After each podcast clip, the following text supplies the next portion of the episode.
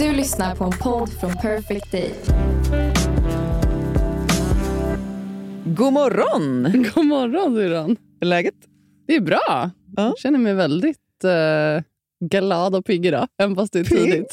Pigg? Ja. Nu känner jag mig piggare än i morse. Ja, vi eh, kan ju säga det. Klockan är faktiskt eh, typ kvart i åtta Eh, och eh, vi ska podda idag.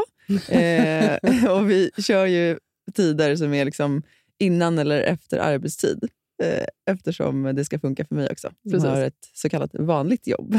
Jag har bokstavligen tagit mig direkt från sängen hit. Alltså jag har, ja, du ser ju hur jag ser ut. Ja, jag ser hur det ser ut. Håret åt alla håll. Och liksom, eh, Men du fick ändå Mjukis. på dig din concealer så att säga på 100 tåget. procent. Ja, 100%. den är liksom alltid på.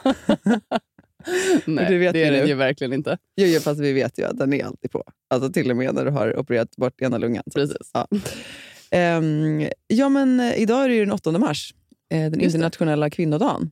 Och det är ju en sån dag som... Ja, men jag brukar tänka på att eh, det ibland finns lite så missuppfattning kring den dagen. För ofta så ser man ju på sociala medier och även i eh, stormedia ibland att folk liksom gratulerar varandra. Ja, men det har jag. Alltså, jag har gjort det senaste åren på Instagram. Alltså, så här, grattat andra kvinnor på våran dag. Men jag vet inte, så här, ska man göra det? Eller så här, vad, vad, Det finns ju inget rätt och fel.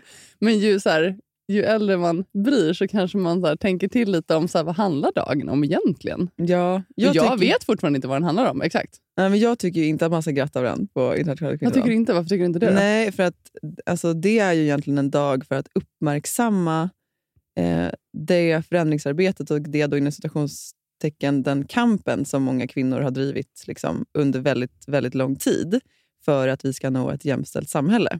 Eh, så det är snarare en dag att tacka alla de kvinnor som har gått före och visat vägen. Eh, ja, men som har drivit igenom liksom, aborträtt och preventivmedel och eh, föräldrapenning och liksom, förskola. Alla de här frågorna liksom, som, som kvinnor verkligen har drivit fram. Eh, så jag tänker att det är en dag där man istället ska liksom se tillbaka och, och, och vara tacksam eh, för allt det jobbet som har gjorts, men också att kanske erkänna eh, och, och eh, identifiera att det finns fortfarande en bit kvar eh, att gå. Ja, nej men det är ju jätte... Alltså, det är ju den viktiga delen i det, men det är också så här, det är inte det man ser på social media. Och jag tror att det är, det är väl för att man kanske inte riktigt vet varför man har den. Så. Nej, men eh, nu vet ni, så nu tänker ni precis. på det. Nu, nu vet ni. Eh, ja, men på tal om det men det är också. också så här, det är ju fantastiskt att man hyllar och lyfter kvinnor också. Jo, jo, jo, Eh, självklart. så. Men jag tror att det är viktigt att fortfarande så här, förstå eh, liksom, vägen hit och att också vara tacksam för de, för, för de liksom, privilegier vi åtnjuter idag. Eh, Absolut. om vi bara tittar på hur det var liksom, för våra far och morföräldrar så, så levde de i en väldigt annan eh, tid när det kommer till eh, liksom, rättigheter för, för kvinnor. Ja. Men på tal om 8 mars också, så såg vi faktiskt på vägen hit i Expressen eh, att de har gjort en lista med kvinnor som de tycker är Syrran. förebilder och sådana som eh, eh, inspirerar eh, och engagerar andra kvinnor. Och då har ju de tagit med dig på den listan, syrran. Det är ju fantastiskt! Ja, det var ju väldigt eh, Elin Kjos, ärofyllt. 33 stod det visserligen. Ja, det, det, det kändes som en viktig detalj eftersom jag är 34. det är ju fel. Men så Jag stort. kan leva med det. Plats 28 av 100. Ja, det tycker jag vi tar en applåd för. Det känns konstigt att applådera åt sig själv. Men, eh, nej, men det, Nej, gud, det sånt. känns ju jätte, jättehärligt. Ja. Ja, ju jättekul. Och det är, gud, det är ju så, så väl värd som du inspirerar och engagerar. Ja, vad gullig du är sedan. Ja, jag tycker det är jättefint. Ehm, ja, vad ska vi snacka om idag då?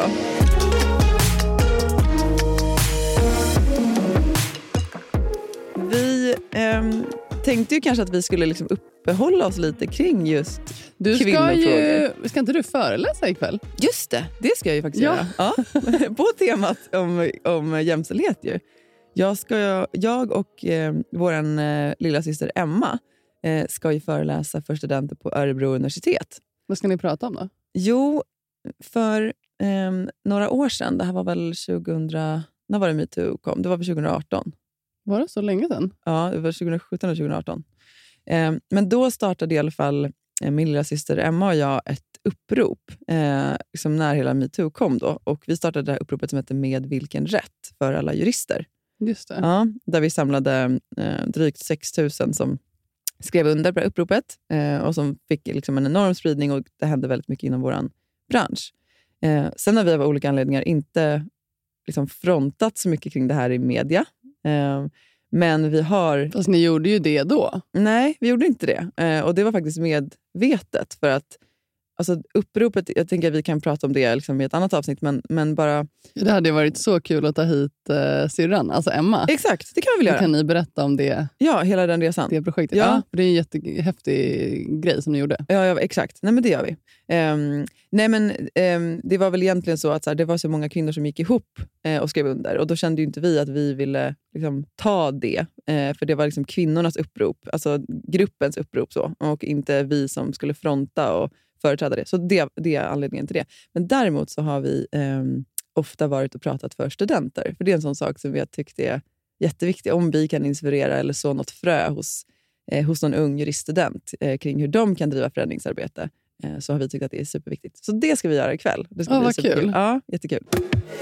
Jag tänker att, eh, att vara kvinna idag ehm, om man ser tillbaka till hur det var för liksom så 50, 60 eller 100 år sedan. Så vi lever ju ett oerhört privilegierat liv i jämförelse på många sätt. Eh, men det finns också en hel del utmaningar med att vara kvinna i ett modernt samhälle. Det gör det absolut. Ja, eh, och jag tänker en, en del i det är framför allt när det kommer till eh, familjeliv och barn. Det är ju inte helt okomplicerat att vilja ha allt, om du förstår vad jag menar. Hur menar du mer specifikt? Nej, men Om du till exempel vill ha en karriär och Du kanske vill göra karriär där det krävs att du lägger ner ganska mycket tid på ditt arbete under ett visst antal år. Mm. Eh, men du kanske också vill ha familj. Det är en ekvation som kan vara lite svår. Den behöver inte vara det, men, men den kan vara det. Mm. Eh, och vill du ha dessutom kanske fler än ett barn, eh, då blir det liksom kanske ytterligare lite svårare. Ehm, men jag tänker väl det är också kanske någonting som... Det beror ju på vilken bransch eh, man är i. Men jag tänker det är väl någonting som du verkligen har stött på inom alltså din bransch? Ja. Ehm, Eller hur var det för dig snarare? Ja, men precis. Alltså, jag var ju 26 tror jag när jag blev gravid med Lycke. Ja, precis. Jag fyllde 27. Så det är ju väldigt ungt. Alltså, om man tänker I Stockholm så är det en väldigt ung ålder. Ja, alltså, jag tyckte ju inte att jag var så ung då. Men det kanske också har att göra med att jag började plugga direkt efter gymnasiet. Eh, så jag hade ju redan jobbat i flera år och jag hade blivit advokat. och Så, här. så för mig så här, det, det kändes ändå som att jag inte var så ung. Men jag kommer ihåg att när, jag var, när man blev inskriven på så här, eh, mödravårdscentralen, då sa de det till mig, du är en oerhört ung förstföderska. Och Då tänkte jag, men vad är verkligen det? Men då menar hon att ja, i, i, i Stockholm så är man väldigt ung om man är under 30. Och Det tyckte jag var ganska intressant. Men för mig så var det ju liksom... Jag jobbade som advokat då och eh, eh jag jobbade ganska mycket. Eh, och det var ju inte helt helt okomplicerat. Alltså jag märkte att så här, det, det, skulle vara nog... Du jobbade ju dag och natt den perioden. Jag jobbade mycket ja. och var ganska stressad. Och mådde, det var ingen, I liksom ett retroperspektiv så var det ingen jätteglad tid i mitt liv. Nej. Nej. Um, men, men att jobba så och ha ett litet barn, det hade ju aldrig fungerat. Nej. Nej. Så för mig blev det ganska naturligt att, um, att ta ett steg iväg från den branschen, då, eller den delen av branschen och att istället söka mig till ett, till ett bolag och börja jobba som bolagsjurist. Eh. Men det var ju inte helt självklart. Alltså när du blev gravid ja. så var det ju inte... Alltså du var ju verkligen mitt i... Ja, absolut. Det var inte någon alltså, bra timing. Nej, du var ju verkligen i, i den perioden när du ville Avancera. komma någonstans. Ja. Du ville hela tiden liksom komma högre, du ville prestera och du la ju, alltså, du vigde ditt liv åt jobbet. Det gjorde du verkligen. Ja, ja, ja, absolut. Så jag kommer ihåg det när du blev, alltså när vi såg att du var gravid. För det var ju inte, Nej, det var inte planerat, planerat egentligen. Eh, jag kommer alltså, jag kom till och med ihåg när, vi, när jag var hemma hos er. Och vi skulle gå och käka middag, eller hur? Ja, och du hade inte, alltså jag tror att du hade, din mens hade varit sen va? Ja, men det var ju mer att jag hade fått såna juicy boobs. Ja, det var ju det. Ja. så vi tänkte ju så här, alltså någonting är det ju. Så jag kommer ihåg, för vi hade ju köpt graviditet, graviditetstesten och sen så var ja. jag så här, men, men ta det nu innan vi går ut och äter. Ta det, ta det. Ja. Men du ville ju vänta. Ja, för man skulle göra det på morgonen. Det är ju så det alltid står på de där. Ja, precis. Men vi, vi kände gärna att äh, vi, vi kör. Och Ja. sen så tog du det och sen så var det, jag kommer ihåg, alltså du blev ganska chockad på ett sätt. Ja, det var klart det blev det. Och det blev ju positivt så här, inom loppet av fem sekunder. Det var inte så här, du vet, vänta 15 minuter. Det har man ju förstått också. När det är positivt, då är det verkligen positivt. Ja, då, Ja. Då det, det var ingen snack om saken. Nej, det, nej, var det var inte. positivt. Ja, det var positivt. Men för det kommer jag ihåg också, det var inte... Alltså jag menar, sen var ni ju så glada och lyckliga. Ja, men ja, men den första reaktionen var ju inte, kom jag ihåg hos dig, det var ju så här, shit, Ja, har ja, jag, liksom, passar det här in i mitt liv just ja. nu? Eh, hur ska jag göra med karriären, med jobbet? Så du var ju, alltså du, du tvekade ju en del. Ja, men det var Eh, inte... Det är också... Och det är så... På något sätt också, det här är så komplext att prata om för att jag vet att det finns så många som kämpar så hårt med att få barn. Så därför att, att ens liksom... Ja, men, ja, men ens ha det Att privilegiet ha- att kunna välja. ja, precis. Eller att ha de tankarna på något sätt blir så fult. Ja. Eh, men eh, Fast jag... jag, du kan ju inte jämföra med någon annan. Nej, jag vet det. Men det är klart att alltså, de tankarna kommer ändå. Men jag är ju bara så oerhört tacksam för att eh, jag såklart landade i det liksom, enda rätta som, för oss. Eh, vilket såklart var att liksom, fullfölja graviditeten. Eh, och Det har ju bara varit helt fantastiskt. Men det tycker jag också är en sån sak som, eh, som kan vara, som kan vara så ett viktigt medskick. För att för mig har faktiskt inte eh, mina graviditeter eller mina barn egentligen satt hinder i min karriär. Men däremot har jag varit tvungen att välja andra val. Mm, och, och Det tror jag är en sån sak som man kanske inte, i alla fall så som samhället ser ut idag, eh, så kanske det inte går att göra karriär på precis samma villkor som, som många män, givet att många män inte är hemma eh, med sina barn. Men då kanske man får hitta andra vägar. Som till exempel för mig, så här, jag, har, jag har bytt jobb nästan varenda gång när jag har fått barn. Mm. Eh, för det blir på, per automatik då att du eskalerar i ansvar, men också oftast i inkomst eller i lön, i lönenivå. Så det går ju, men man måste vara lite mer om sig och kring sig. Och där kan jag ju önska att det inte skulle behöva vara så. Nej. Eh, att man, Precis, att du skulle kunna vara på det jobbet som du kanske känner att det här är, det här, jag, jag vill göra- vara här, liksom, göra karriär och klättra eh, och inte känna att du måste söka dig till annat nej, håll. precis, för att jag vill liksom keep up. Ja, precis, för, Ja. att du, för att du vill ha, du vill ha båda. Du vill ha Exakt. karriär och du Ja. vill ha barn. Ja, exakt. Så. Och där tänker jag, men, tänker till, till exempel om man, om man drar parallell till advokatbyråer. Där, och så är det ju på många, advo- advokatbyråer är ju konsulter. Och så är det ju på liksom, i princip alla konsultföretag att du mäts ju på antal timmar.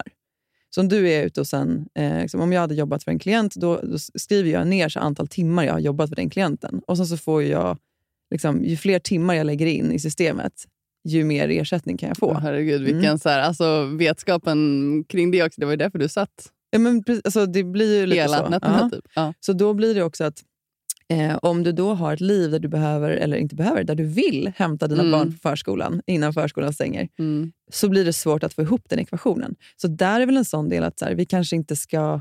Alltså, vi måste ju börja mäta eh, arbetsinsats på ett annat sätt. Ja. Eh, och det är ju, är ju Många företag har kommit oerhört långt. Med, det här är ju en icke-fråga hos de allra flesta bolagen. Alltså det vill säga att, att folk skaffar barn och att det inte är någonting som blir ett hinder eh, för din möjlighet att eskalera. Men, eh, men det finns ju fortfarande arbetsplatser där, där man har ett förlegat sätt på det här. Eh, och där tror jag man skulle behöva börja värdera saker annorlunda. Ja, det tror jag verkligen. Men eh, jag kan ju tänka också att du fick en annan syn på vad att göra karriär innebär också när du fick barn sen. Vad menar du då? nej, men så att den, eller inte, inte en annan syn, men jag tänker så att den planen du hade som advokat när du blev Ja, ja, gravid, ja.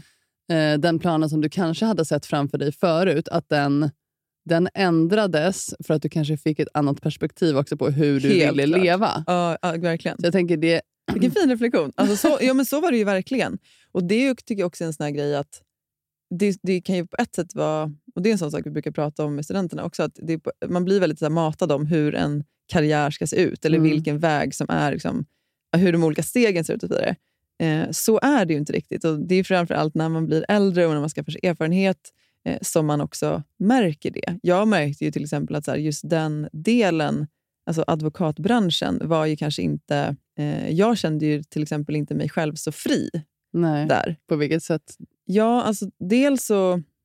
Och det här kanske kommer att låta skevt, men dels så lyder man under något som kallas för advokatsekretess. Eh, man lyder under advokatetiska regler som gör att eh, man inte får göra, eller liksom säga vad som helst eller prata med liksom, om, om vad som helst och så vidare. Nej. Ehm, och Det handlar mer om att så här, eh, klientens intressen. Alltså du företräder ju en klient och det är, liksom, det är, viktigast, det är viktigare än allting annat. Eh, så om du skulle sitta på en middag till exempel och det skulle komma upp eh, en diskussion där det här kanske är ett potentiellt samarbete som den här klienten skulle kunna ha, då, då måste du liksom typ avlägsna dig. Ja, men ja. Du får avlägsna dig från situationen nästan. Aha. För du kan få information som kan vara liksom skadlig för din klient. Alltså, ja, det, det finns massa sådana där grejer. Mm. Ehm, och Det i sig är väl inget problem, men det jag upplevde att så här, ja, men du vet ju hur jag är. Jag är, liksom, jag är öppen och sprudlande och, och jag är på det sättet kanske en så här otraditionell jurist. Mm. Eh, jag klär mig gärna färgglatt och så här. Och Det passade inte riktigt in i den mallen. Nej. Det, det är en mall som är ganska tydligt satt. Ja, men du vet det är kostym och det är dräkt. Och liksom, saker och ting är ganska korrekt. Och jag är inte så korrekt. Nej. så så jag, det var liksom min persona. Eh, jag, jag upplevde inte att så här, det som jag är bäst på kom fram eh, på bäst sätt inom, inom eh, det yrket. Liksom så. Nej. Och då var det ju inte rätt Nej, väg för exakt. dig i, i slutändan ändå. Nej, Eh, och det var exakt. väl jättefint att du fick, liksom, när du blev mamma, att du fick dels andra perspektiv på det, eh, med karriären, vad som är viktigt, hur du ville jobba och också känna att det var kanske mer viktigt för dig att ha ett jobb där du kan vara fri. Ja, och det har ett jobb som jag verkligen brinner för och kan vara mig själv. Precis. Och Det tycker jag är en sån lyx nu när jag är äldre. Att jag har liksom kunnat välja arbetsplats utifrån det jag känner att så här, men här är jag välkommen Ja. och här värderar man mig. Mm. Eh, så. Och det, det är liksom en ynnest. Och det tror jag att hade jag inte bytt jobb i den takt jag gjort så hade jag inte fått det. Så det är jag väldigt, väldigt tacksam för. Idag är och jag, på en jag så bra tror plats. att eh, också många... Men det känns också så här, lite som att det har förändrats lite de senaste åren. Att fler, alltså vi behöver inte prata kvinnor, det är säkert män också. Absolut. nej, men att, att det är viktigare att känna ja, men just det här man kan, ja, precis, Ja. självförverkligandet. Man kan vara fri, man kan vara som man vill. Eh, Mm. Och lite mer så här, kanske reflekterande över hur vill jag leva? Mm. Och inte bara så här, leva för sitt jobb, göra karriär på Mm. pappret, Mm. jobba dygnet runt eh, utan att så här, stanna upp och reflektera överhuvudtaget. Ja, men verkligen. För vad är det värt om man ändå inte brinner för det, man känner inte att man är sann mot sig själv, man Nej. är inte sig själv. Alltså, ja, det är, det är, jag tänker ofta på den här gubben. Det finns en sån karikatyr, det är ett skelett som springer och sen så sitter det eh, som ett snöre som går bak, fr- från bakhuvudet och sen så sticker det liksom ut framför ansiktet och på den så hänger en sedelbunt. Eh, och så, Ja. så springer han. Men han kommer ju liksom aldrig närmre det, den här är ju bara- sedelbunten för den, sitter alltid, den sitter alltid still. Men Den han springer, springer, jakten, springer. ja. Precis, till- tills han sen springer ner i graven. Ja. Uh. Nej, Ja, den är ganska- den är ganska tragiskt. viktig. Ja, Ja. Jo, men, jo, men verkligen. Och det är ju ja, men så allt som vi liksom, har upplevt och, och lever i liksom, de senaste åren. Också så här, hur, hur viktigt det är att, att verkligen reflektera över hur, Hur man lever, ja. hur man lever. Och jag menar, Ja. Jobbet är ju en så viktig del av ens vardag. Även om man är så ah, man ska inte leva för sitt jobb. och så här, Men alltså, man spenderar majoriteten av sin dag Verkligen. på jobbet. Och Ja. Därför är det ju så viktigt att välja någonting där man känner en lycka i. Ja. Det kanske inte är så lätt att hitta ett jobb som man bara så här, älskar att gå till varje dag. Det är inte det, men jag tror att det är viktigt också att känna så att är jag på en bra plats? Är det så här jag vill ha det? Men jag tror att, så här, då tänker jag mycket på liksom din resa, hur du har tagit kommando över ditt liv. Och Jag tror att det kan man applicera och anamma på så mycket inom arbetslivet. Jag tror egentligen att människor skulle kunna förändra sin egen situation och sätt, försätta sig i- i en situation där man är betydligt mer nöjd, och engagerad och passionerad över det man håller på med om man faktiskt själv tog ansvaret för att driva åt den riktningen. Absolut, det tror jag också. För det, det, det tror jag ibland, så här, jag kan uppleva att det är lite så här slentrian och lite slött. Att man är så ah, trivs inte på jobbet, ah, mina kollegor är, liksom, det är inget bra och chefen är jobbig. Och Ja, men det är liksom. mycket fokus på allt som är jobbigt och tråkigt Exakt. och hemskt. Och, Ja, och om det nu är så att man är i en situation där man känner att det har blivit ett mantra, att Mm. allting på jobbet är fel. Ja, men antingen så accepterar man ju det, mm, eller så gör man ju någonting aktivt och tar sig därifrån och försätter sig i en situation där man har en annan upplevelse. ja. Och Det tycker jag är, så här, det är ju ändå liksom det egna ansvaret någonstans. För att det är också så att om man är en person som sprider väldigt mycket dålig energi på en arbetsplats så påverkar ju det andra människor också. Så du gör ju inte 100%. bara liksom dig själv en otjänst men också dina kollegor. Nej, och det är så här, alla har inte möjligheten att byta jobb eller skaffa nytt jobb. Men då, då, då är det ju så här, då får man gå tillbaka och se så här, okay, men vad, vad kan jag ha, se för möjligheter istället. Ja, I så absolut. fall. Men du, på tal om eh, barn då. För att vi, i, den, I den aspekten så lever ju vi väldigt olika. Jag har ju två barn och lever riktigt så liksom, småbarnsliv. Och jag är ju Eh, fortfarande ett barn i en vuxen kvinnas kropp. Nej, jag skojar. Men det är vi i och för sig alla. Ja, det är för sig alla. Ja. Eh, nej, men vi, gud, vi lever ju totalt olika liv. Vi Ja. pratade om det häromdagen också. Hur, men så här, vilka, alltså vilken frihet jag har att göra exakt som jag vill när jag vill. Mm. Eh, Alltid när du skickar så här, gå på mig med det här eventet eller eh, följ med på den här resan. Är det så här, eller så här, två timmars yoga på lördagen. Det är så ja, här, exakt. kan inte riktigt ta ledigt från... eller ta ledigt säger man väl inte. Nej, Men, men, det är ju... Ja, det är klart att jag kan, men för mig är det så här, det vi pratat om också. Jag jobbar ju liksom, jag är fokuserad på mitt jobb i veckorna och på helgerna är det, så här, det är dedikerat till familjen. Och Det Mm. handlar mer om att då vill jag ju vara med familjen. Det är ju Ja. ett aktivt val. Det är som vi har pratat om också, det handlar inte om att, så här, att man måste försöka klämma in det då eller att man ska ha dåligt samvete. Utan det, är så här, det är ett val att jag vill vara med familjen. På samma sätt som du väljer att du vill gå och träna och då prioriterar du bort andra saker. Och Jo, det måste vara precis. okej. Alltså, jag tror att jag hade levt ett annat liv idag, liv idag om jag inte hade hamnat i utmaningen när det kommer till den punkten. Ja. Tror du att du hade haft barn? Det tror jag. Ja. Eh, För att jag var ju, det, det har jag pratat om i, eh, eller det kommer jag prata om i mitt TED-talk som jag ska hålla då. Mm. Eh, att jag, alltså jag var ju i en fas i livet, jag var lite som dig, alltså jag, jag satsade mycket på karriären, Mm. jag jobbade mycket, men hade ändå börjat fundera på att det kanske var dags att skaffa barn. Mm. Jag menar, det var så en naturlig del av livet just då. Mm. Och Sen hamnade jag i det här. Du fick väl också lite så här, jag kommer ihåg du var hos gynekologen någon gång. Det var väl i den vändan? Du var, var du runt 30 i alla fall? Ja, men det här var ju innan det. Eh, och då, nej men jag, jag tror att jag var 30. Det var ju bara någon så rutinkoll. Ja. Eh, och då, då var ju han... Alltså jag kommer så väl ihåg den situationen, för jag blev ju lite så här... Ja, men det, det var lite... Jag blev lite tagen av det, för att han var ju verkligen så här, det var en lite äldre man, Mm. gamla skolans eh, gynekolog. Liksom. Han Mm. var ju så här, oj, oj, oj. Eh, har du funderat på att skaffa barn så är det liksom, då måste du börja sätta igång nu. Mm. För att du är så här, eh, vad är det väl äggen som så minskar för varje år? Ja, eller hur? precis. Du föds ju med ditt antal ägg och sen varje år så minskar ju de. Ja, precis. Och han Mm. var verkligen har du någon partner och så här, har du, om du går i de här planerna så då är det dags nu. Och jag var ju väldigt så illa berörd, kommer jag Mm. ihåg, för att jag kände så här, Nej, jag, har hade inte, jag hade Ja. inte tagit upp det. Nej, jag var just då när jag var singel. Mm. Och jag hade inte, då hade jag inga större planer på att skaffa barn. Nej. Och då blev jag, jag började ju bli så här väldigt orolig. Så jag kommer ihåg att jag började googla så här, gud 30 år, alltså är det, är det liksom, måste kört jag, nu? är det kört nu? Mm. Mm.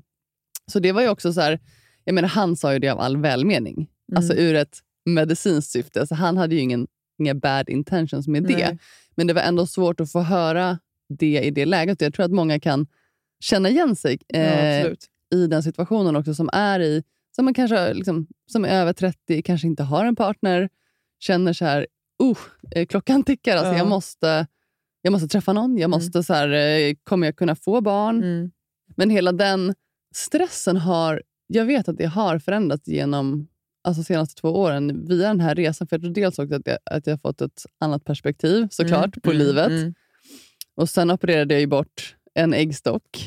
Kan du inte berätta om det? För det var ju också en sån här grej. Läkarna var ju bara som förstod inte vad du menade. När- Nej, alltså efter, efter att jag hade fått beskedet om att det var obotligt, att jag liksom hade en väldigt dålig prognos och kanske inte ens skulle leva året ut, så, så skulle jag ju dra igång ganska starka cellgifter. Och då var jag, jag kommer ihåg att det var du Ja, och Emma, Emma, vår mm. andra syster, som var så här, men du måste ju ta upp med dem, alltså hur, hur, liksom det här Du tänker med kring fertiliteten? fertiliteten. Ja. Mm. Eh, Så jag, var, jag kommer ihåg att jag var ju så här, ja, alltså jag kommer inte börja ta cellgifter förrän vi har pratat möjligheter kring det. Mm. Och de var ju lite så här, men alltså, snälla du, du kanske inte överlever året. Mm, Liksom. mm. Det, det, det kanske inte är helt rätt läge Mm. att prata om det. Jag kommer ihåg att de var ganska så här, på det, den avdelningen där jag var, Mm. med väldigt svårt sjuka, de var så här, oj, alltså... Han hade väl aldrig varit med om det? Den här veckan är vi återigen sponsrade av Kroatiska turistbyrån. Ja, och det för ju direkt tankarna till semester. Eh, Yes. Och eh, när vi har semestrat tillsammans så har vi ju varit väldigt duktiga på, tycker jag, så här, att ta oss ut och göra typ hikes eller springa, springa i bergen. Mm, Eller vi, vi mm. faktiskt, men, men nu var det så länge sedan vi gjorde det. Ja, det var det. Det var nog Det var några år sedan. pre-kids. Det var pre-kids. Ja. Jag saknar det jättemycket. Jag saknar också det jättemycket. Vet du, jag har faktiskt en... eh, Jag har ju så här Pinterest eh, anslagstavla, liksom en mapp med eh, så ställen som jag skulle vilja besöka. Det finns faktiskt en sån Såklart vandrings... jag har. Har inte du det? Eh, nej, Va? men om du fixar den så följer jag med dig. Ja, Jag, jag, jag kan dela den här anslagstavlan, du tror Ja. mig, du kommer vilja följa med. Okej. Nej, men då finns det faktiskt en, just eftersom vi pratar om Kroatien nu också, det finns ett ställe då som jag har sparat under åren som heter Via, jag tror att den heter Via Adriatica. Ja, just Ja. det. Det är en vandringsled. Alltså, så ni kommer alltså vandra mellan Istrien och Dubrovnik. Men så den- otroligt vackra landskap. Ja, den, ser, den ser faktiskt helt otrolig ut. Och jag- det, det, det jag fastnat för är att så här, det verkar som att man, man vandrar liksom genom speciella landskap, men sen ser man också liksom kulturella sevärdheter. Och man går liksom genom byar, man går genom över berg. Så att, Ja. liksom, så att du, får, du får allt. Alltså Ja. ett otroligt sätt att så uppleva ett land på. Ja, vilket äventyr. Jag tror definitivt det här är eh, en, en nästa resa för oss. Ja, det låter som det. Och eh, ni som lyssnar kanske känner att ja, den där Adriatica-leden låter ju lockande. Ni borde också åka dit och eh, ta med någon ni tycker om och semestra i Europa och se Kroatien. Ja. Do it! Do it! Tusen tack Kroatiska turistbyrå. Tack. aldrig Nej. varit med om den situationen. Att någon var så här, nej, jag vill ha alternativ för kunna eventuellt bli mamma. Ja. att precis, eventuellt kunna bli mamma. Så att han var ju så här, "Ah, jag måste ta det liksom med, med teamet, med läkarteamet. Ja. Vi måste kolla så här, vilka möjligheter som finns. Så jag sa det, ja, men då får du göra det. För jag Mm. börjar inte behandlingen innan, Mm. innan jag vet. Mm. Och Då tog det ju alltså någon dag bara. Mm. Så hade jag fått en tid på Huddinge med en specialistläkare där i Mm. fertilitet. Så jag åkte dit och då gav ju hon mig egentligen bara två alternativ. Jag tror att det var så här, operera ut ena äggstocken eller sätta mig på någon så ty- typ av Hormon, hormonbehandling. Ja. Men vi hade ju inte tid för det då. Nej. Så att hon var ju så här, egentligen var det bara ett alternativ. Det var operera ut äggstocken, frys in den, Ja. eh, så finns den där. Så jag gjorde ju den operationen direkt. Mm. Och sen var jag så här, ah, nu kan vi köra. Vi. Så jag var ju, när jag började med cellgifterna var jag ju nyopererad. Mm. Kommer du ihåg? Jag hade ju så ont. Ja, alltså, jag, var ju, herregud. Alltså. Jag hade ju så här, alltså ärret var ju... äh, Men alltså, så att jag, men jag är så glad att jag tog det beslutet ändå. Mm. För jag känner ändå så här, jag, jag har kommit till en punkt nu när jag känner så att jag har inte längre den här bilden av att ja, jag kommer ha barn, jag, jag kommer ha en egen familj, Mm. det ska helst ske innan den och den åldern. Utan jag har kommit till en punkt när jag så här, alltså dels för min behandling, alltså Mm. så länge jag är i en studie så kan jag inte, alltså jag får inte bli gravid. Ehm, Och det har ju hänt. ja, det, det har det ju syrran. Men det är det här som jag... Alltså på ett sätt sedan så är bara alltså din kropp och din kroppsförmåga att så här forcera Ja, och att det är sån... Jag tycker det på något sätt... Det är så tydligt livs... Det är sån livskraft. ja Eh. nej, men jag hade ju, det var ju, alltså det är exakt ett år sedan nu. Mm. Det var ju när jag var i min första studie. Jag, hade, jag har ju som sagt opererat ut en äggstock. Mm. Jag hade gått på den mest kraftfulla cytostatikan Mm. i över ett år. Där man ju ska tappa liksom, sin menstruation. Och, Precis. Ja, mm. Eh, och då såg de ju att jag var gravid. Så på något sätt hade ju min kropp, alltså det är helt sjukt. Ja, är Eh, mina läkare var ju, så de var ju tvungna att dubbelkolla flera gånger. att så här, Kan det verkligen stämma? ja, Men det gjorde det ju. ja. De var ju så här, antingen så fortsätter det med behandling. Så här, ja, det fanns ju inget alternativ Du egentligen. fick ju inte behålla det, alltså, givet att du hade tagit alltså, den här typen av... Eh, liksom, eh, när du var med i studien jag också. kunde ju inte behålla det i det skedet heller eftersom jag menar, då, då, då skulle jag behöva avbryta min egen behandling. Jo, jag vet, men du fick ju heller inte det eftersom eh, alltså, när, när, man, när man tar en studie så är det ju också förknippat med potentiella biverkningar. Och det, det vet de ju inte vad det eventuellt skulle kunna ge för fosterskador. Så det är Nej, också men en alltså- del i det. Och, nej men, som du säger, jag fick inte behålla barnet. Nej. Det här var ju ett år sedan och då var det ändå så här, jag var 33, mitt i behandling. Jag visste inte liksom, vad den medicinska planen var. Så Nej. att det var ju såklart ett jättejobbigt eh, liksom, besked att få. Dels Mm. att jag var gravid, för jag, jag menar, vem trodde att jag hade kunnat bli det? Nej. Och sen också att jag inte hade makten själv över att få bestämma om jag ville behålla det eller inte. Nej. Men det var också så här, nu i efterhand så var det ju det enda rätta alternativet såklart. Ja. Eh, men, men med det sagt så har jag fått en helt annan syn på också det här med att det är inte självklart att, jag kommer få barn. Alltså Nej. att jag någonsin kommer. För att om jag är med i den här studien i fem år till, tio år till, jag, jag kommer inte kunna bli... Eller så här, Nej. jag, Nej, jag får, inte, Nej. eh, bli gravid så länge jag är med i en studie. Och jag har liksom någonstans kommit till att acceptera att det är så. Mm. Så hela den här liksom planen förut med att ja, men hur, hur mitt liv kanske skulle se ut, den har jag fått lära mig att acceptera att den kommer kanske inte bli så. Mm. Är Och det jag- en sorg i dig eller är det, hur, hur är känslan kring det? Alltså första året så här, efter att jag opererade bort äggstockarna och började behandling, då kände jag så här, alltså tanken på att inte ha en egen familj, alltså det är klart Mm. att det var väldigt tungt. För jag kände Mm. så här, att, att liksom behöva tänka på det också. Mm. Eh, men någonstans så blir det en sån liten del i när man känner att man, alltså i hela det här. Mm. Och det jag har kommit fram till också att jag har ju livet. Mm. Jag lever, jag är jättelycklig, jag mår jättebra. Och någonstans är det, alltså det är det enda viktiga oavsett om jag Verkligen. kommer få barn eller inte. Nej, och sen är det också så här, som vi har pratat om någon gång tidigare också, du, alltså där, du vet ju bara om din verklighet. Ja. Alltså, så, så är det ju för alla som inte har barn. Man vet inte hur det är att ha barn. Nej, man och, vet ju och, inte och det. det. tror jag liksom, det är väl jättebra. Man utgår från sin egen liksom, verklighet. Och, och, jag vet inte vad jag, jag vill komma med det, men på ett sätt så tänker jag också att det kan bli... liksom Men tror du inte att många lugn. ser den här personen som verkligen drömmer om den här, det här livet med barn? Alltså man ser ju den här perfekta barnfamiljen med lycka och skratt. och så här, There's no such thing. Nej, nej det vet ju inte jag. Men jag tänker bara så här, normen för Ja, hur det ska vara. Att så här, man ska ha en familj, Mm. man ska träffa en partner. Mm. Det är inte normalt att välja att Nej, inte det är ha barn. avvikande. Precis, nu, är det så här, nu, nu har inte jag kanske det valet på det sättet. Så här, jag, jag måste ju acceptera att nu är det så här. Mm. Och jag vet att mitt liv kommer bli fantastiskt även om jag inte Absolut. får barn. Och du kommer ha många barn omkring dig. Och lyxen i att...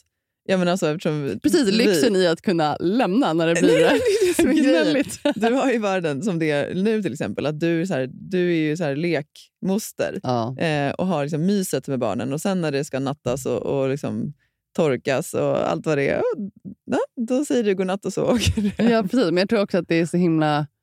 Alltså jag kan förstå att personer som kämpar med att bli gravida och få barn... Alltså jag, jag, kan bara, jag kan inte ens föreställa mig vilken sorg det kanske är eh, att leva i om man så här, gör allt för att bli gravida och liksom man har den drömmen och liksom på det perfekta livet. Och så här, jag, jag förstår att det måste vara jättejobbigt. Ja, för sen är också så här, om man tittar på oss rent så evolutionärt, jag vet inte vad meningen med livet är, men, men om vi tittar på rent liksom så evolutionärt så skulle man ju kunna resonera kring att så men det är att fortplanta oss. Mm. Så, så det känns ju inte helt liksom, främmande att det finns en väldigt stark drivkraft Nej. i oss att vilja fortplanta oss. Och, och Det är ju en annan aspekt i det här med att vi skaffar barn senare. Och Som, det här, som liksom gynekologen sa till dig, det är ju så många kvinnor som har så svårt att få barn. Ja. Och det är ju fruktansvärt. Mm. Alltså, det är också så här, när, man, när man väl har bestämt sig för att man vill ha men barn. för man tar, jag tror att många tar för givet att så här, det är klart att man ska kunna bli gravid och få barn. Och Sen Ja. så kanske när man väl står där och inser att det går inte. Nej. Alltså, det måste ju vara en väldigt svår situation. Ja, och det är väl det, det som också är en eh, aspekt i det. Att här, man kanske har... ehm, jag, jag tycker att det här är svårt, för att på ett sätt är det lite antifeministiskt att prata om att, ja, men att, att liksom stressa eller skamma kvinnor som inte har skaffat barn eh, innan de är 35. För att de Mm. kanske har velat satsa på sin karriär eller Mm. varit ute och rest eller inte träffat liksom, den rätta. Eh, samtidigt som det är sjukt viktigt att prata om att det blir svårare. Ja, precis. För, för, så här, faktum är ju att det blir svårare Ja, precis. ju äldre man blir. Och jag kan ju snarare känna att så här, ja, men det, här, det, det här är ju det är så mycket större än bara liksom barnfrågan. Men bara en sån sak som till exempel, så här, hur funkar min egen menstruationscykel. Mm. Alltså när har man ägglossning? Vad är funktionen med ägglossning? Ja. När har man mens? Varför har man mens? Alltså, det, det här låter kanske helt sjukt, men jag, jag kunde inte det förrän jag själv blev gravid. Nej, när du började läsa på om Exakt. så här, eh, Jag, jag, ja. jag, jag hade ingen koll på de här olika, liksom, eh, de här olika faserna i Nej. cykeln och liksom, de olika hormonnivåerna som hö- liksom, går upp och går ner och så vidare. Och Det är en sån sak som jag tänker så här, om vi hade fått förstå mer om våra kroppar, Ja. liksom, vilken mycket större makt vi kanske hade haft över våra liv. För idag är också som du säger, vi tar bara för givet att den dagen vi bestämmer oss för att okay, men nu slutar vi med våra p-piller som vi har ätit i 15 år, ja, då blir vi gravida Precis, man imorgon. har sin partner som man har levt med ett tag kanske och bara känner så här, ah, men nu är det dags att skaffa Exakt. barn. Vi har allt det andra på pappret. Ja, Nu är det bara den här lilla pusselbiten som saknas. ja. Och det är ju sällan så enkelt. Ja. Nej, Ja. nej, men precis. Det finns en tjej som jag följer på Instagram som heter Wolverine Kos, tror jag. Eh, hon är ganska omtalad. Eh, hon är, eh, hon är, har en vass tunga, men hon är eh, oerhört inspirerande när det kommer till kvinnohälsa, tycker jag. Hon, hon eh, eh skriver mycket om hormonhälsa. Mhm. Om hur, om hur eh, och hur sättet vi lever, eh, men också vad vi äter och så där, hur det påverkar våra hormoner och också då vår fertilitet. Ehm, och jag har lärt mig så sjukt mycket därifrån som jag aldrig hade fått lära mig i skolan. Eller, men så när man gick till gynekologen när man var yngre, då var det bara så ah, det finns de här tre preventivmedlen. Välj vilket du ska ha. Eh, det var ju det enda man fick lära sig. Man fick ju aldrig lära sig så här känner du kroppen när du är ägglossning. Så här, ehm, liksom det, här, det här är tecknena. Inget sånt fick du lära dig. Nej. Och Det är det som är så häftigt. När man väl lär sig det här, då kan du känna igen det extremt lätt. Ja, men man lär sig att lyssna på kroppen på ett annat sätt. Exakt. Och liksom vara inkännande och, och kanske mer anpassa liksom, vardagen efter det. Mm. Eh, snarare än att bara så, åh jag har mens igen. Alltså, eh, varför Ja, blir jag så här? Och nu är jag, åh, gud, jag känner mig så svullen. Och det, det är det som är så kul också. Jag pratade med en, en tjejkompis om det. Alltså, varje gång innan man har mens. Alltså, att man, man, man är så svullen i kroppen. Ja. Och varje gång så är man bara så åh, alltså, vad jobbigt det här är. Och så här. Men alltså, man har ju det har ju varit så sedan man var 15 år. och ändå är man ju lika så frustrerad över att man känner sig kanske trött eller man får sötsug. Eller, alltså, alltså hela den här, Mm. men man vet ju att kroppen, det är så. Mm. Mm. Så istället för att bara så här, ja, men, ja, jag vet inte. Alltså, det är svårt att inte lägga vikt vid det. Men jag tror att många kan känna igen sig vid det också. Så här, att man känner sig inte i sitt A-game. Liksom. Nej, och det tycker jag också är en så kul grej. För att, alltså, det finns en reklam, jag vet inte om det är för Libresse eller Always eller en av de här kedjorna, där det är en, en eh, kvinna då som de har porträtterat. Det känns som att de har försökt vara lite så inkluderande fast de har verkligen inte lyckats. Men vet, hon har en piercing, that's it ungefär. Ja. Ehm, men då i alla fall så, eh, reklamen handlar i alla fall om att hon eh, driver någon typ av fik och så bär hon ut de här stora liksom, bänkarna som folk ska sitta på. Och så filmar man henne så långt ifrån så kommer man zoomar in och hon bär de här och hon tar i och man säger att hon är stark. och sen är det väl någonting om att så här, äh, även när jag har mens så vill jag vara i mitt A-game. Liksom. Jag, är, jag är alltid på mitt bästa. Och då tänker jag så här, nej, alltså det resonerar noll med mig. Nej. När man har mens så är man inte i sitt A-game. Nej. Och Då vill man liksom helst bara få ligga i soffan i fred under Ja. en filt och att någon liksom talar varsamt till en. Ja. Och, och Det där kan jag bli så trött på. att så här, men, Som kvinna så absolut, det är bara på med den här bindan och sen är jag bara redo att fejsa världen och jag är mitt. Och så, så är det ju inte. Och. Det hade varit så befriande tycker jag om vi hade liksom, om vi bara hade kunnat få vara lite sköra de dagarna i månaden. Ja. Men jag tror det är också så att man måste, där måste man gå tillbaka till sig själv och acceptera att det är okej att jag är så här. Jo, precis, men det är fortfarande inte... Om jag, om, eh, så här, eh, men om du skulle gå in på så här, din arbetsplats och säga så här... Eh, ja, vet ni? Eller du vet, ett, ett möte där du känner så här, du, du har jättemycket mensvärk, liksom, du känner dig frusen, du känner dig skör, du känner att så här, liksom, ditt självförtroende är lågt. Att, så här, Ja. alltså, vet ni, skulle det vara okej om vi flyttar den här presentationen till nästa vecka? För jag har mens och jag är verkligen inte på, på mitt bästa. Jag menar, det, det är fortfarande oerhört icke-accepterat. Ja, nej, men det, det, det men, det, men, men det kanske hade varit bra. ja, Alltså, tänk om vi hade haft det klimatet. ja. Där man hade kunnat, för det tänker jag som också menar, eh, jag kommer inte ihåg, jag läste någonstans att man har uppmätt liksom, alltså hur intens menssmärtor kan vara. Alltså om man skulle liksom applicera det på hur liksom, smärtan skulle kännas för en man. Och liknande. Ehm, och, jo, men jag tror man jag läste någonstans om att det är som liksom en lätt hjärtattack. Och om du då tänker att, så här, att liksom folk skulle du kan ju leva inte med det... jämföra med mancolden. Nej, det är Alltså, sant. den är en slår ju allt. Ja, Ja. det, är, det är ju sant. Men jag menar, det är bara en så intressant tanke att så här, alla kvinnor går med det här varje månad. Ja. Och det är bara så här, uh, game face on. Ja, Det Eh, är ju verkligen, man gör ju bara det. ja, precis. Och är det liksom, har man väldigt ont, ja, men då tar man en Alvedon och sen så kör man på. Exakt. Jag kommer ihåg, eh, eh, jag har ett så himla starkt Fast det minne. behöver ju vara så. Ja, men jag vet. För livet kan ju inte stanna upp för att man ligger, alltså har mensvärk. Nej, men man hade kanske kunnat ha ett lite mer så här tillåtande liv. Ja, alltså, jo. att så här, och om det hade kunnat vara så att jag hade kunnat säga till dig, så om du var min kollega, att så här, vet du, alltså jag, jag mår verkligen inte bra. Jag har så fruktansvärd mensvärk. Ehm, liksom, att, att, hade vi inte Mm. kunnat flytta ett möte till nästa Mm. dag då? Det hade säkert inte varit något problem överhuvudtaget. nej. Men då drar man ju hellre en sån vit lögn och liksom säger någonting annat. Men jag, har ett, jag kommer ihåg ett sånt himla starkt minne från... Eh, kom du ihåg det JSM som var i Umeå?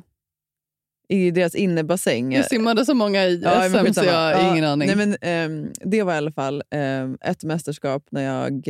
eh, då hade jag mens under mästerskapet. Ehm, och eh, jag, jag, jag tror att det är så här för många kvinnor att när man, om man anstränger sig liksom exceptionellt eh, när man har eh, mens och mensvärk, då blir det liksom gånger tusen. Alltså det, blir, det, blir som, det kan nästan bli som så kramper. Fast rörelse är ju bra för Ja, precis, men inte extrem. Inte kanske elitidrott. Alltså, nej, men precis, det här är just när det blir liksom, du vet, mjölksyra-explosion. Jag kommer ihåg att jag hade simmat 200 bröstsim.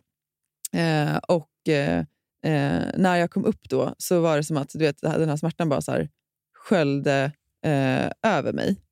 Eh, och jag fick så fruktansvärt alltså jag fick typ så panik av smärtan. Mm. Och istället då för att liksom säga någonting, jag- vad kan jag då? Jag kanske var så här 15. Ja. Istället för att då säga någonting, att så här, jag, jag, liksom, jag har jätteont och jag skulle bara behöva gå ifrån. Du vet, så står man där och försöker lyssna på vad eh, tränaren säger om hur mina splittar på varje 50 jag såg ut. Och, hit, och, hit. Ja.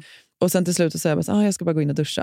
Och då kommer jag ihåg att jag sitter själv i duschen i typ 45 minuter och du vet, i fosterställning. Alltså jag, Åh, typ så här, för jag hade så ont och jag kunde knappt andas. Och istället för att liksom då så här, be om hjälp eller tala om att så, det, här, det här är det som händer, så, så liksom bara är man där med det själv i Man bara egen... tar det. Men det är det Ja, som är så precis. himla sjukt. Alltså man vågade, eller vågade, men det är också så här...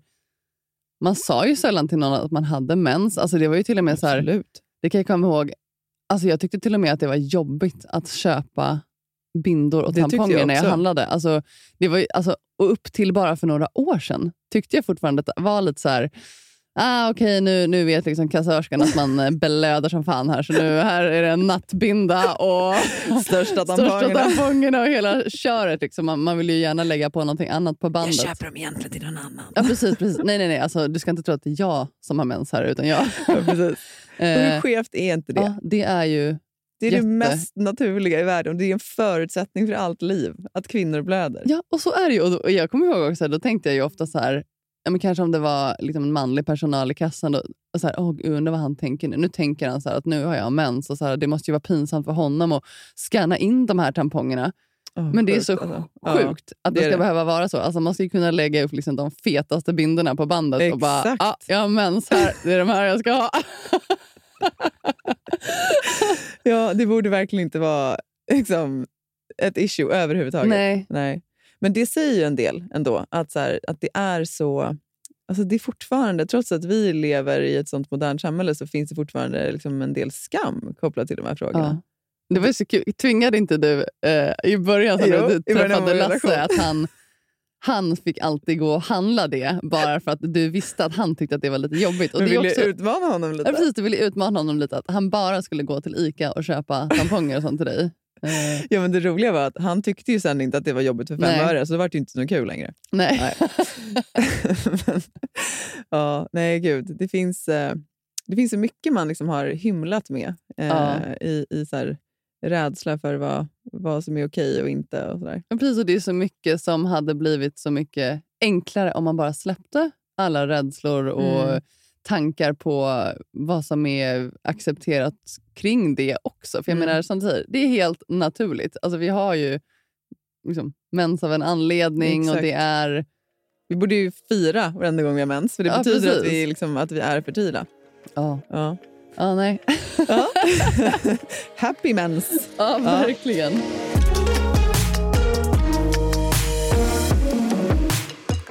Ja, men på tal om barn. Eh, så, eh, för- Dina barn eller? Ja, men eh, mina barn. Dina barn. Ja, mina barn.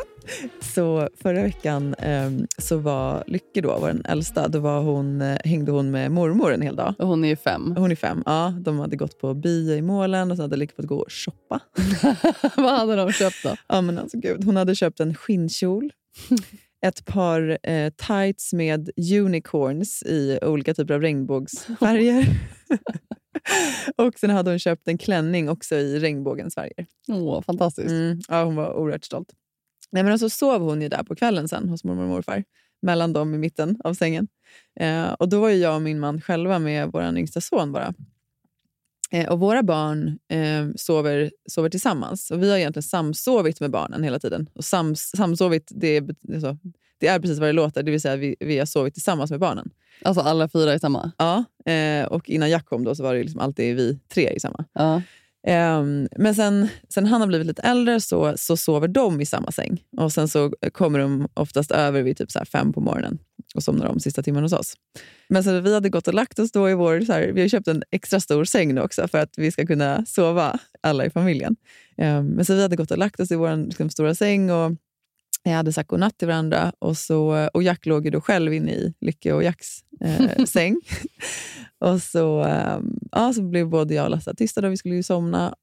Och sen så efter några minuter så säger jag så här, älskling, tänk att han ligger själv inne i den där stora, stora sängen. Han sov väl? ja, han sov ju så många timmar. Och Lasse bara, ja, jag går och hämtar honom. Och så gick han och hämtade Jack och la honom mellan oss. Åh, vad mysigt. Ja, så sjukt mysigt. Och sen så var ju han en vilde den natten såklart. Då. Aha, du vet, här, den såklart. natten vi skulle ha. Så han vaknade, vi har inga gardiner än eh, i nya huset. Och ingen så här, Men det är ju väldigt stora fönster. Ja, precis. Och, och solen går ju upp precis där, så det verkligen blir väldigt ljust eh, väldigt snabbt. Så han var ju uppe och härjade redan vid, ja, men vid fem eller vad det var. Då. Han kunde inte somna om. och då till slut så gick jag upp med honom och så gick in och duschade. Eller jag gick in och duschade och sen så kom han in och ville duscha med mig. Och då så tog jag upp honom och han kändes som att så här, du vet, han kändes lite trött och liksom, Ja. morgongrus i ögonen. Eh, så då stod jag med honom i famnen och då så somnade han. Gubben. Ja, så jag stod där inne i typ så här 20 minuter, inte så miljövänligt jag vet, men stod där inne i typ 20 minuter liksom med vattnet som rann på hans rygg och duschade med honom i famnen när han sov. Åh, vilken fantastisk stund. Alltså fantastisk start på dagen. Mm. Ja, helt Gud, magiskt. Ja. Hur går det med hunden förresten? ja, men just det. Det går inte så bra. Funkade inte din lilla Nej, och det muta? var inte bättre att jag sa det i podden. Eh, Var det inte? Vad sa han om nu är det jag då? på minus, minus, eh, minus. eh, Ja, nej men det, det var inte framgångsrikt eh, helt enkelt. Och eh, nu är jag, liksom, har jag en ännu större uppförsbacke. Så att, eh, to be continued. Vi får Du återkomma. kan väl köpa en gosehund? Gosedjur? Ett gosedjur. Ja, Ja, precis. precis. Ja. Nej, jag först- så det, det som Lasses poäng är att, här, att han verkligen kommer behöva eh, gå ut och gå, men att det är han som kommer behöva ta ansvaret eftersom det är han som är hemma mer. Och så är det. Ja, det finns ju risk för det, absolut. Men du, vad händer eh, resten av veckan för dig då? Ja, vad händer den här veckan? Jag är ju... Liksom, mycket tid går ju åt eh, det här TED-talket nu. Och jag du är inte nervös Mig... och så, eller hur? Nej, nej, nej, Nej, nej, nej. Nej, men jag pendlar faktiskt från att vara... Jag vet att jag har ett väldigt bra tal, ja, då har du verkligen men nu är det mer att jag pendlar fram och tillbaka från att vara så här svinpeppad till att andra sekunder vara så här, åh herregud, det är, vänta, det är på engelska, jag ska stå inför alla de här människorna. Hello! Ja, precis. Alltså bara Det kommer gå jättebra. Jag talking. English. uh, nej, jag men- nej, men det, är mer, det är mer det här att man inte är van att prata engelska på det sättet. Men Ja, jag kommer hela tiden tillbaka till att jag tycker att det är kul och det är det jag ska försöka fokusera på. Men jag har ju börjat så här, träna in talet och det mm. har jag gjort mycket, kommer göra mycket den här veckan också. Mm. Eh, sen ska jag till Umeå imorgon och spela Mm, in uh, God kväll med SVT. ja Kommer bli, ja, jag skulle ju åkt dit egentligen i början av året, men sen fick jag ju corona, så då blev det inställt. Just men nu, eh, nu ska jag dit. Ja. Och sen senare i veckan ska ju vi på konsert. Just det, vi ska Du, gå jag på, och ja, lillasyrran. Så härligt. Vi ska gå på Molly Sandén. Det känns så sjukt också att göra det nu. Alltså så här, det var ju innan eh, pandemin och så här, man gjorde sådana saker senast. Ja, och vi hade ju bokat hennes eh, den här liksom, arenaturnén innan covid. Och Precis. så blev ju den inställd. Ja. Ehm, så att, nej, det ska bli grymt kul att Ja, jag, bara jag får nästan lite så här gåshud när Ja, jag, jag tänker med. på det. Alltså vara alltså, vara på en konsert och höra musik live. Ja. Alltså, jag längtar så mycket till den. Och du vet vilken låt jag längtar mest till. Ja. Det ska bli så fantastiskt och Molly är så sjukt cool Ja, hon tjej. är så att så jag ball, bara, alltså. Nej, det ska bli fantastiskt kul. Ja, jag håller med. Så peppen Jag ska, aldrig, jag ska aldrig gå hem. Den måste vi avsluta podden med. Ja, Eller hur? vår favoritlåt. Ja, gud jag älskar den. Ja, men syrran, tack för Men nu jätte... måste vi gå hem. Eller inte gå hem, men Nej, du men ska du, till jobbet. Jag ska till jobbet och eh, du ska öva på ditt TED-talk. Ja, precis. Ja. Men eh, tack för idag syrran. Mm, Puss Tack, hej. Puss, puss. Hej.